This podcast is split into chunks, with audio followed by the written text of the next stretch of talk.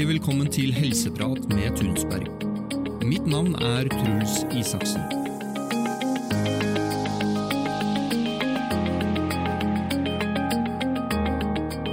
Her vil vi gi deg ukentlige episoder som vil være nyttige for deg som er litt over gjennomsnittlig interessert i helse.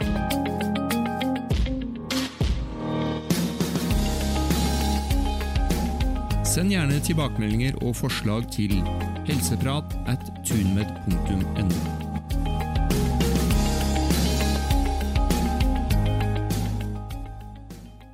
I dag har vi besøk av selveste Gry Hammer.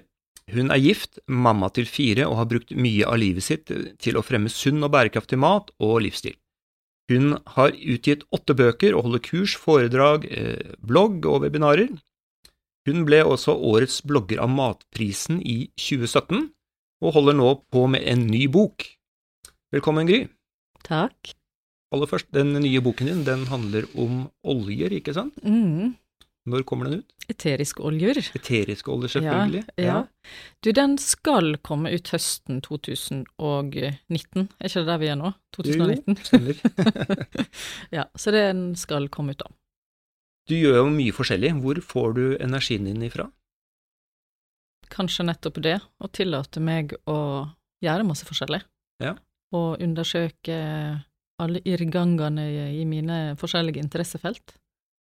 Du er nysgjerrig. Ja, veldig. Det har jeg alltid vært. Hva er spennende med oljer akkurat nå? Eh, akkurat nå er det kanskje ikke så veldig spennende, for nå er det bare 14 dager til jeg skal levere manus, nå, så nå er det litt sånn, nå er det overdose. Men jeg har jo holdt på med det siden jeg var 19 år, og nå er jeg 44 år. Så det har vært en viktig del av livet mitt i, vel, i hele mitt voksne liv. Og det er det jeg skal skrive om.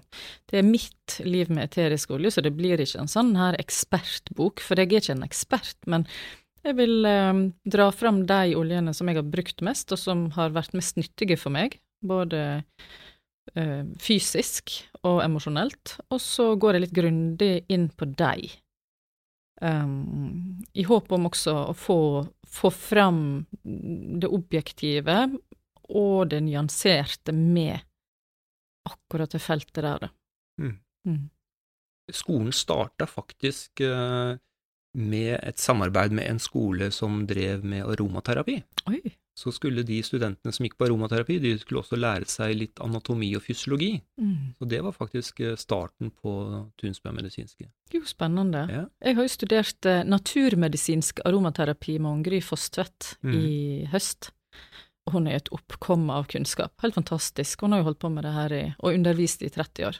Så jeg, jo, jeg syns det er veldig nyttig å kunne, kunne rett og slett studere et tema også, for fram til i høst så har det jo vært Vel har jeg alltid lest meg opp på det jeg er interessert i, sånn at jeg ikke bare sitter og fjaser med det på et sånn hobbyplan, men, men eh, det å lære det litt mer sånn vitenskapelig og grundig, og med et menneske som har så lang erfaring, det gjør noe med forståelsen av, eh, av eh, Det har gitt meg større, en større forståelse av hvor nyttige de kan være da, på mange plan. Så eterisk olje bør være en del av verktøykassen til en som er opptatt av helse. Ja, så lenge du veit hva du holder på med. Eh, altså, en skal ikke være redd for eteriske oljer, men en skal forstå at de kan være veldig terapeutiske. Og når du da forstår disse her grunnprinsippene for trygg bruk, så, skal så trenger ikke en å være redd, for det er veldig mye sånn oljefrykt og fermenteringsfrykt og ja, vi skal ikke være redde. Det, jeg har aldri skada meg, men jeg har også alltid tilnærmet meg dem med respekt og ydmykhet og, og lest meg opp før jeg har kasta meg over det. Hvis vi går litt eh, tilbake i tiden, når ble du interessert i helse sånn for første gang? Skikkelig for min egen del var det vel når jeg oppdaga blodtypedietten som 25-åring. Eh, da fikk jeg det der helseperspektivet på mat. Jeg ble jo vegetarianer som 16-åring, men det var jo politisk eh, ståsted, fordi at jeg syns det er en grusom måte vi behandler dyr på i matindustrien, og det syns jeg ennå, men jeg tar helt andre valg nå enn jeg gjorde som 16-åring. Uh, jeg var ikke frisk og hadde masse allergier, um, lavgradsbetennelser i kroppen, og begynte å undersøke hva jeg sjøl kunne gjøre, da, når jeg begynte å tenke sjøl rundt medio 25, 25 år. Og det satte jo i gang den her bølgen av å Men det var kostholdet Mm. eh, som jeg jobba med da. Følger du blodtypedietten fortsatt? Nei. eller det- Jeg har nok Altså, det som skjedde, var jo at jeg Jeg slanka ikke meg, men jeg, for jeg har jo aldri vært overvektig, men jeg mista fem kilo, som jeg tror var bare væskeopphopning. Og det ga en sånn aha på, på ei veke på den dietten.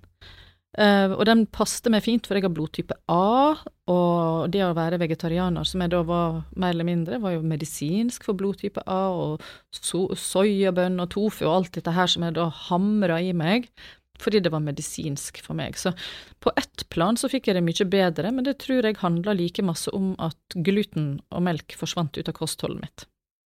Og på den måten, i den forma jeg inntok gluten og melkeprodukt på den tida, de matemnene var bare lurt å få ut av kostholdet. Og jeg eter ikke de den dag i dag, men jeg har jo lært meg andre måter å behandle korn og melkemat på, sånn at det kan bli god ernæring også for en med blodtype A. Eh, men det begynte da, og så har jeg alltid vært veldig urtete ifra jeg var lita. Vært veldig sånn dradd imot naturen og urter, og når jeg studerte når jeg, Nei, jeg studerte ikke da, jeg var journalist i NRK Sogn og Fjordane da jeg oppdaga eterisk olje. Um, og da var det vel mer det at jeg kjente at de hjalp meg veldig på et sånt emosjonelt plan. Jeg ble roligere av det. Lavendel og frankincense og røykelse, som det heter på norsk. Det, det Jeg ble rolig. Jeg kjente at jeg trengte det. Så jeg brukte det som en sånn her stressdemper og ja, muskelavspenner, klarte å dra pusten litt dypere, så det var ikke noe mer sånn eh, Jeg la ikke mer i det da. I dag bruker jeg det jo mer sånn intensjonelt, da. Mm. Enten jeg har en noen har en blærebetennelse, en øyekatarr, eller om jeg har en forstrekt muskel eller et verkende ledd, eller en eh, sol, solbrenthet, eller et sant, og at du på en måte kan bruke det mer med intensjon, alt etter hva det gjelder, da. Nå har det blitt mer trendy, kanskje, med eteriske oljer enn det har vært på en del år? Ja, og det tenker jeg er veldig positivt, og så er det også negativt. Mm. Eh, og det er jo der jeg fikk veldig lyst til å skrive den boka, for å vise at det går fint an for et helt vanlig, alminnelig menneske å integrere eterisk olje i sitt daglige liv, men du skal likevel vite hva du holder på med, og så er det også viktig å snakke om eterisk olje helt uavhengig av merkevare, fordi her er veldig mange gode merker, og veldig mange gode plasser du kan få eh, kvalitetsolje ifra. Så jeg blir veldig Jeg får piggene ute når, når noen hevder at det er bare ett merke som har de beste oljene, for det er ikke sant. Mm. Det er faktisk slik at den samme um, oljeprodusent kan være leverandør til mange av disse her selskapene som hevder det samme. Så, de sitter, så, det, blir, så det blir egentlig ikke sant. Og det, da, da ble det veldig viktig for meg å, å koble meg helt fri fra merket. Um, og skrive ei bok helt uavhengig av merket, og kan hende finne på å lage min egen serie, da, og tenke litt på. Da blir det iallfall på mine premisser, og ikke noen andre som trer en forretningsmodell over mitt hode, for det er da jeg kjenner at jeg Ja, jeg har prøvd det, og jeg kjenner at det passer ikke meg, da. Mm. Det er vel sjelden at det er én ting som er løsningen på alt, også er det ikke sånn? Samme som med blodtypedietten, at det, noe av det kan fungere for noen, men ikke for alle. og Ja, så tenker jeg at det, i en kort periode så kan det være sånn at det finnes ei eneste løsning, og det er gjerne når en har oppdaga et eller annet som en kjenner fungerer helt fantastisk. Det kan være at du har slutta med melk og kjenner at oi, plutselig hadde ikke jeg mer eksem, og plutselig så var magen mye bedre, og så, og så får du sånn her melkeangst, og at du blir veldig sånn dogmatisk og veldig sånn bastant, da. Og det kan jo kanskje være nyttig i en fase der du er litt nyfrelst og kjenner at dette her dette her, det, det er det eneste rette, men så går det noen måneder, noen år, og så ser du at det er kanskje flere fasetter ved, ved det her enn det. Man forstår gjerne litt mer med tid og stunde, og jo mer en setter seg inn i ting, og det er fra min erfaring at jo mer jeg forstår, og jo mer jeg lærer, jo mer forstår jeg at jeg ikke forstår. Det er uten tvil så er eterisk olje noe som jeg har lyst til å ha med meg resten av livet også. Mm. Over til noe helt annet. eh, Den nye trenden med å spise 100% plantebasert. Du som har vært vegetarianer, ikke sant? Mm. Hva tenker du om Nei. Jeg kan jo fortelle én historie, da. En, en jeg kjenner som uh, har vært vegan i lang tid. Mm. Så blitt syk, Mm. og så ønsker å gå ut av dette her, og opplever det fryktelig vanskelig fordi alle, eller veldig mange i miljøet, er veganske, og opplever et veldig stort emosjonelt press.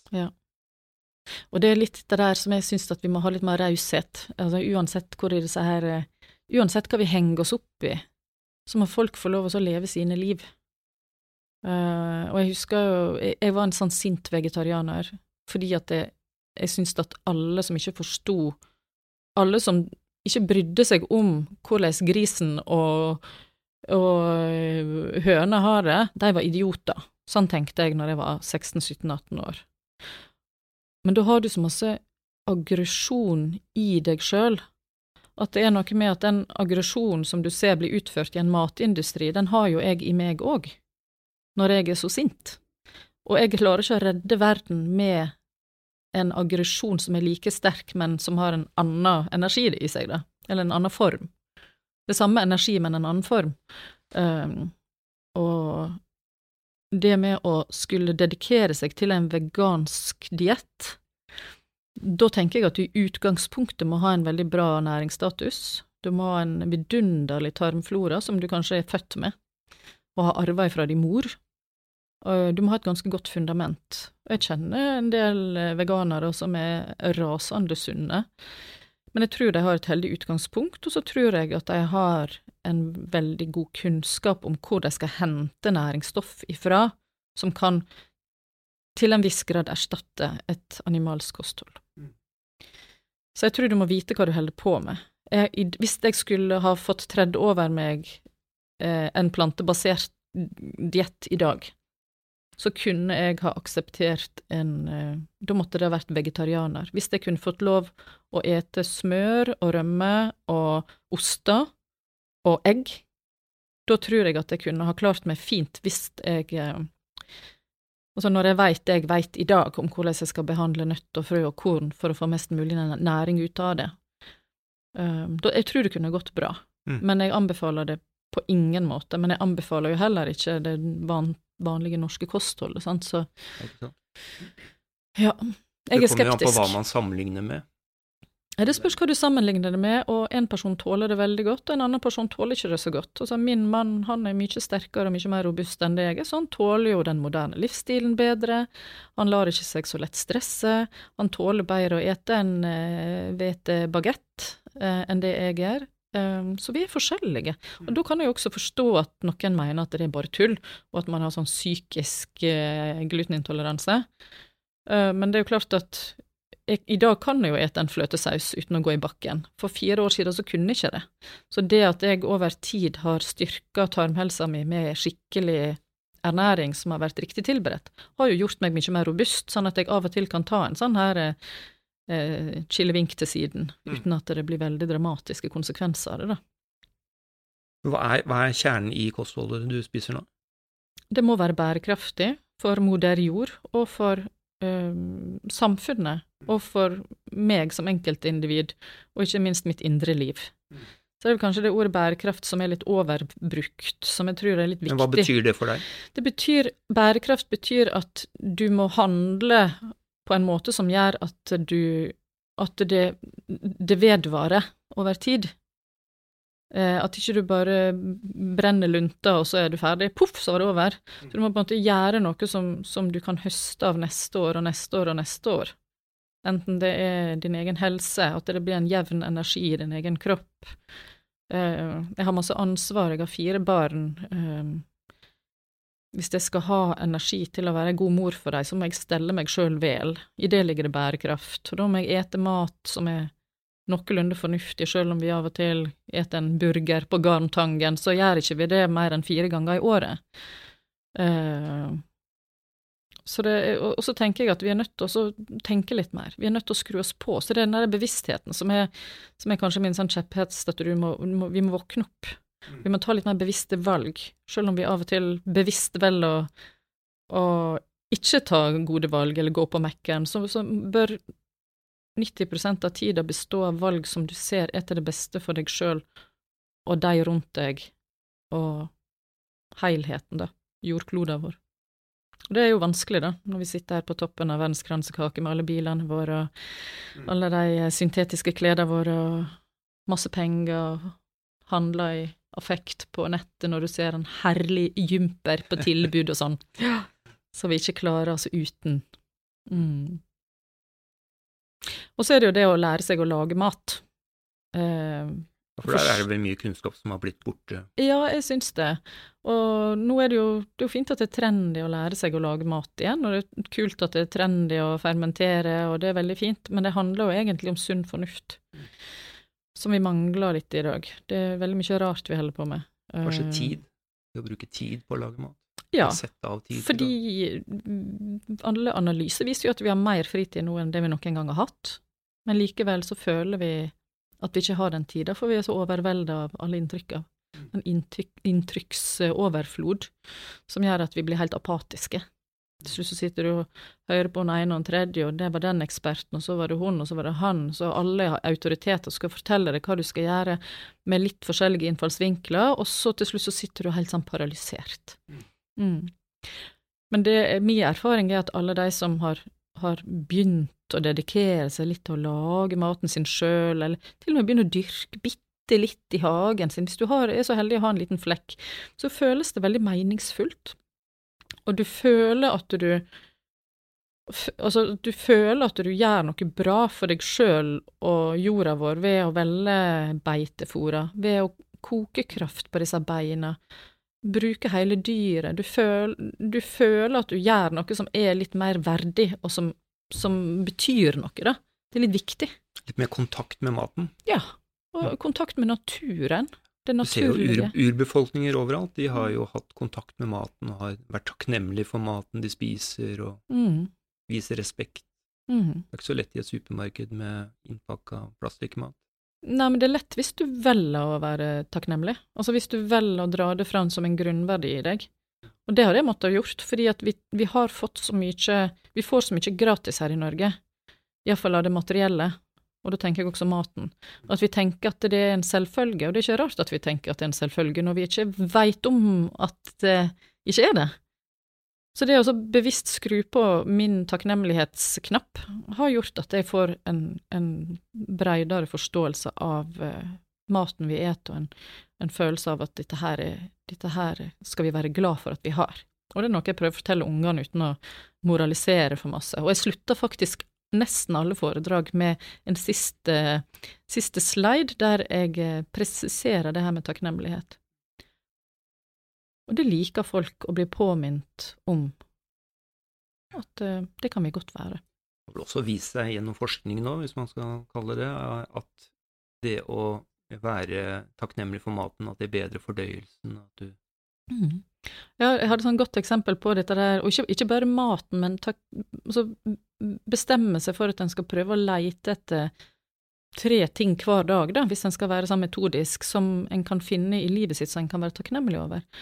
For det er så mye som går på autopilot, og vi bare gjør det. Jeg husker sist vi holdt foredrag, jeg holdt foredrag på Gjøvik, og så kjører vi av gårde, jeg fikk mannen min med meg, og det syntes jeg var behagelig, for han kjørte så jeg fikk slappe av. Um, og når vi kom fram, så hadde jeg tatt med bøker, og så hadde jeg tatt med ditt, og så hadde jeg tatt med datt, men jeg hadde glemt, hva det var vi hadde glemt da? Det var noen startkulturer. Og jeg bare, nei, glemte du det? Og bare, herregud, er det mulig? Og så måtte jeg da skru på min bevisste hjerne, for da kjente jeg du var så irritert på han at jeg holdt på å spy. Og så tenkte jeg, når jeg da valgte å skru på hjernen min, tenkte jeg, Gry, du kan for eksempel, istedenfor å være sur på han og resten av dagen, så jeg kunne gått og nebba, eh, kjenne på hvor takknemlig jeg var for at han faktisk var med meg på en lørdag, at han prioriterte å være sammen med meg, og kjøre meg, og bære disse tunge kassene, stå på stand med meg, hjelpe meg med alle som ville kjøpe, vente på meg mens jeg holdt foredrag, kjøre meg hjem igjen. Det er jo masse å være takknemlig for. Hva betyr det da om man glemte en surdeigstarter? Sant? Så, så det er litt sånn, av og til så må vi koble oss på. Så vi ikke bare raser gjennom dette livet her uten å se oss verken hit eller dit. Fermentering. Mm. Eh, Du er vel ikke lei av å snakke om det nå? Nei, aldri. Aldri. Hvorfor skal man fermentere mat? Det er mange grunner til at du skal fermentere. Du skal, du skal, du skal ingenting. Du Nei. må ingenting, det har jeg faktisk lært meg. Du må absolutt ingenting. Du, du, du, det eneste du skal gjøre, er det du har lyst til. Og det bør forhåpentligvis være litt bærekraftig, det. Det du har lyst til. Du gjør det lurt i å fermentere hvis du konsentrerer deg om å fermentere det du eter mest av. Si at du har et veldig brødbasert kosthold. Så er det ekstremt fornuftig å begynne å bake med surdeig. Fordi da bryter du ned glutenproteinet, sånn at det blir lettere å fordøye. Det blir ikke glutenfritt, men det er 10 000 millioner ganger lettere å fordøye. Eller iallfall mange ganger, for å ikke overdrive for masse. Så bryter du ned antinæringsstoff og enzymhemmere som gjør at du da får tilgang på mineralene og næringsstoffer i maten bedre. Du bryter ned eh, karbohydratene, sånn at det blir mindre av dem, og de blir lettere å fordøye. Så i sum så får du et lettere fordøyelig matemne.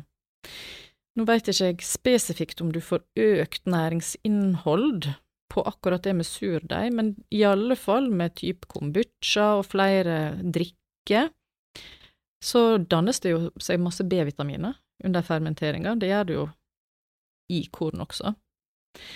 blir det mer tilgjengelig? Eh, Det blir mer tilgjengelig. Eh, og du får en økning av næringsstoff også i mange sammenhenger. Og det er jo bare vinn, vinn, vinn, vinn, vinn. Så det er veldig lurt. Du får de syrene som hjelper til med fordøyelsen. Tilførsel av organiske syre kan hjelpe deg til å fordøye andre protein, andre næringsstoff, lettere. Så det daglige brødet syns jeg er veldig smart å fermentere. Hvis man tåler brød. Ja, men hvis de for eksempel velger glutenfritt, da, så er det akkurat like smart å fermentere litt glutenfrie brød hvis det er på glutenfrie kornsorter og nøtter og frø. Det er samme problematikken, ikke glutenet, men det med antinæringsstoff og enzymhemmere er akkurat det samme problemet der.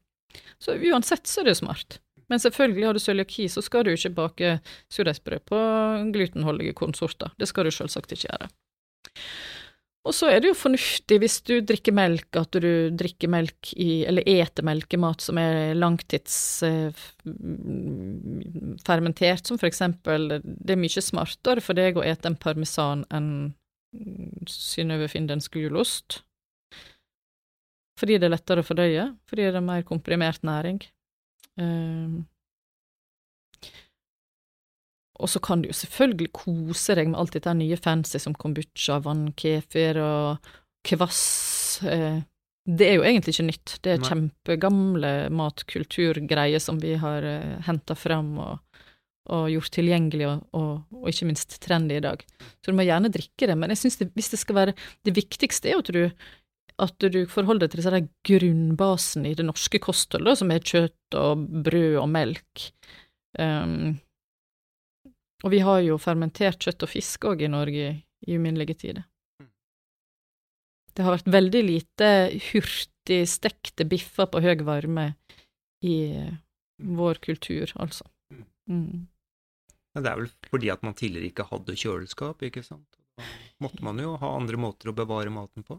Ja, og så hadde du også den her eh, nærere kontakten med det du åt. Du forsto at du bodde ut på dette neset, og du hadde disse der saudene, og når du først slakta en sau, så tappa du blodet, og så lagde du mat av blodet, og du brukte nyren, og du brukte vomma og tarmene, og kokte, og du lagde jo mat på hele dyret. Tunga, det var julemat, og og så spedet som i dag er, er indre og, indre og ytterfilet, det var jo en del av en eh, Det var jo en del av en en eh, Hva det heter Spekelår, holdt på å si. Et fenalår eller en bog eller et kvart, ikke sant. Du burde spise mer innmat. Ja, det bør vi. Når vi først skal ete dyr, så bør vi ete hele dyret, fordi du får det, I det ligger det bærekraft. Mm. Det ligger en større eh, etisk eh, og takknemlig forståelse av hva du holder på med. Og så ikke minst, da, hvis du velger å ikke tenke sånn i det hele tatt, så får du jo eh, et mye større tilslag av næringsstoff i kostholdet ditt. Mm. Du får vitaminer og mineraler og eh, Q10 og aminosyre ved å ete hjerte og ved å koke kraft på beina enn det du gjør bare ved å ete indre ytterfilet og kjøttdeig. Vi eter stort sett kjøttdeig. Pizza og taco. Tror du vi kommer til å spise taco og pizza også om 10-20 år? Like mye som vi gjør i dag? Ja, Det tror jeg, men jeg tror kanskje at vi øh, Kanskje altså, Jeg trigger litt denne mat, matprodusenten og matindustrien til å så Det er ikke vanskelig å male hjerte og tunge og innmat inn i en farse, som kjøttdeig er. Det er jo en slags farsedeig. Um, jeg tror det kommer til å tvinge seg fram en større sånn Kommer det surdeigs Grandiosa med hjerte? Det er det helt sikkert. Det, ja! Gud, det var jo skikkelig kult. Surdeigsgrandis med hjerte Gud, det var jo en kjempeidé. Ja. Jeg må ikke fortelle til noen. Mm, Mm. ja, det fikk jeg jo nesten lyst på. Ja. Men tror du matindustrien kommer til å forandre seg? Kommer de til Ja. å Skjønner de hvor viktig dette er, eller Ja, følger de bare pengene, eller ja det òg. Jeg, jeg tror jeg skjønner alt, men jeg, men jeg tror på det med opplysning og kunnskapsformidling. Og jeg snakker ikke til folk flest, fordi at til det så er mitt perspektiv for annerledes. Det forstår jeg. Mm. Men hvis jeg klarer å nå ut med mitt budskap til 10% av befolkninga, eh, så vil jo selvfølgelig det skape ringvirkninger. Og de 10 skal også ha mat, og matindustrien eh, Vi ser jo mange eksempel i dag på at de nisjer seg inn på ulike kundegrupper. Um, og jeg tror også at mange av de jeg snakker til som jeg får resonans hos, er ganske ressurssterke i samfunnet. Mange av de. Og hvis jeg når frem til nok av deg, så skaper en en forskjell. Sakte, men sikkert. Og det har skjedd veldig masse. Uh, og jeg er nå just ikke aleine. Det, er jo- det er jo ikke bare jeg som sitter her og reagerer på at det er noe som er er veldig forstyrra. Det er jo veldig mange med veldig mange forskjellige innfallsvinkler, enten de er feminister eller de er eh, opptatt av eh, oljeutvinning eller vindmøller eller Så det er jo helheten av bærekraft som er viktig her. Forbrukermakt er vel et stikkord her, kanskje. Ja, det er kjempeviktig. Det er kjempeviktig å forstå det at, eh, at en sitter på makt. Og så er det mange som føler seg veldig avmektige, da, som sitter og bor ute i periferien og, og har lyst å være en bevisst forbruker og en moderne jeger, sånn som jeg snakka om. Men hva skal jeg gjøre da, når jeg ikke finner det i butikken, og butikksjefen gidder ikke å høre på meg, og Hvis det er mange nok som kommer og spør butikksjefen, da, Ja, du må gnage. kan jeg få økologisk laks? Mm. Mm. Mesteparten av økologiske laksen forsvinner ut av Norge fordi det er ikke etterspørsel etter det der. Nei. ikke det litt trist? Det er veldig trist, og så får vi jo tilbake igjen da fisk som er reist til Kina og blitt full i, i Ja. vann, og så får vi den tilbake istedenfor. Så det er litt sånn Halloween-looken. Så det er jo selvfølgelig et enormt eh, enormt maskineri som lille meg eh, Altså at det kanskje kan virke litt naivt, da. Eh, mitt perspektiv, men jeg mener ikke det.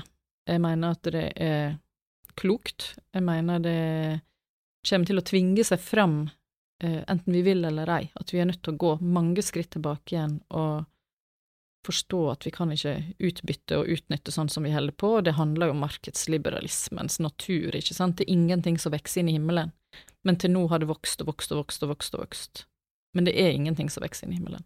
Så det kommer til å tvinge seg frem en, at vi må bli bevisst, at vi må bli påskrytt. Og så tror jeg at, tror jeg at uh, fallhøgden blir mye mindre hvis vi, flere, hvis vi er flere som er påskrudd, sånn at vi kan gjøre, gjøre litt forebuende tiltak før det går åt skogen.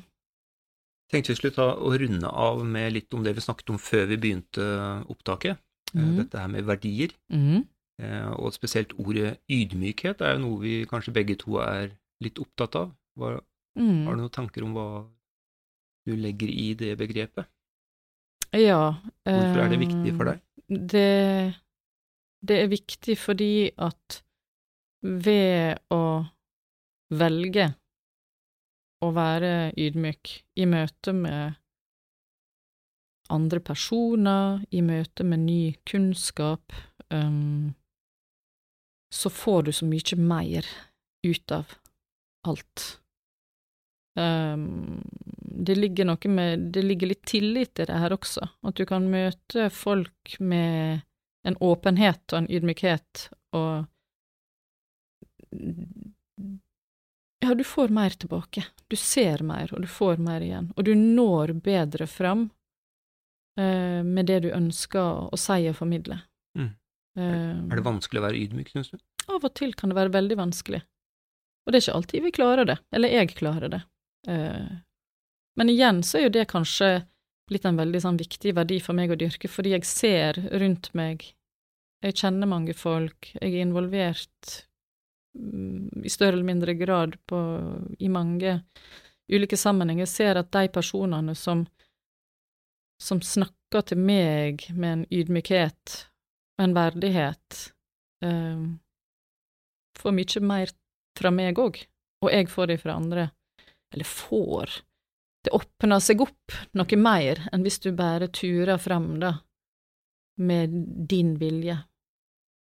Du får mindre igjen av livet ditt. Takk skal du ha, Gry. Mm. Takk skal du ha for at jeg fikk komme. Det var det vi hadde i dagens episode. Tusen takk for at du har hørt på, og vil du høre mer, vil jeg anbefale at du abonnerer på oss i enten iTunes eller Spotify. Og hvis du likte denne podkasten, så vil det hjelpe oss utrolig mye om du hadde skrevet en liten omtale i iTunes. Hvis du har lyst til å lese om våre kurs, utdanninger og webinarer, så kan du gå til tunmed.no. Tusen takk for at du har hørt på, så høres vi igjen snart.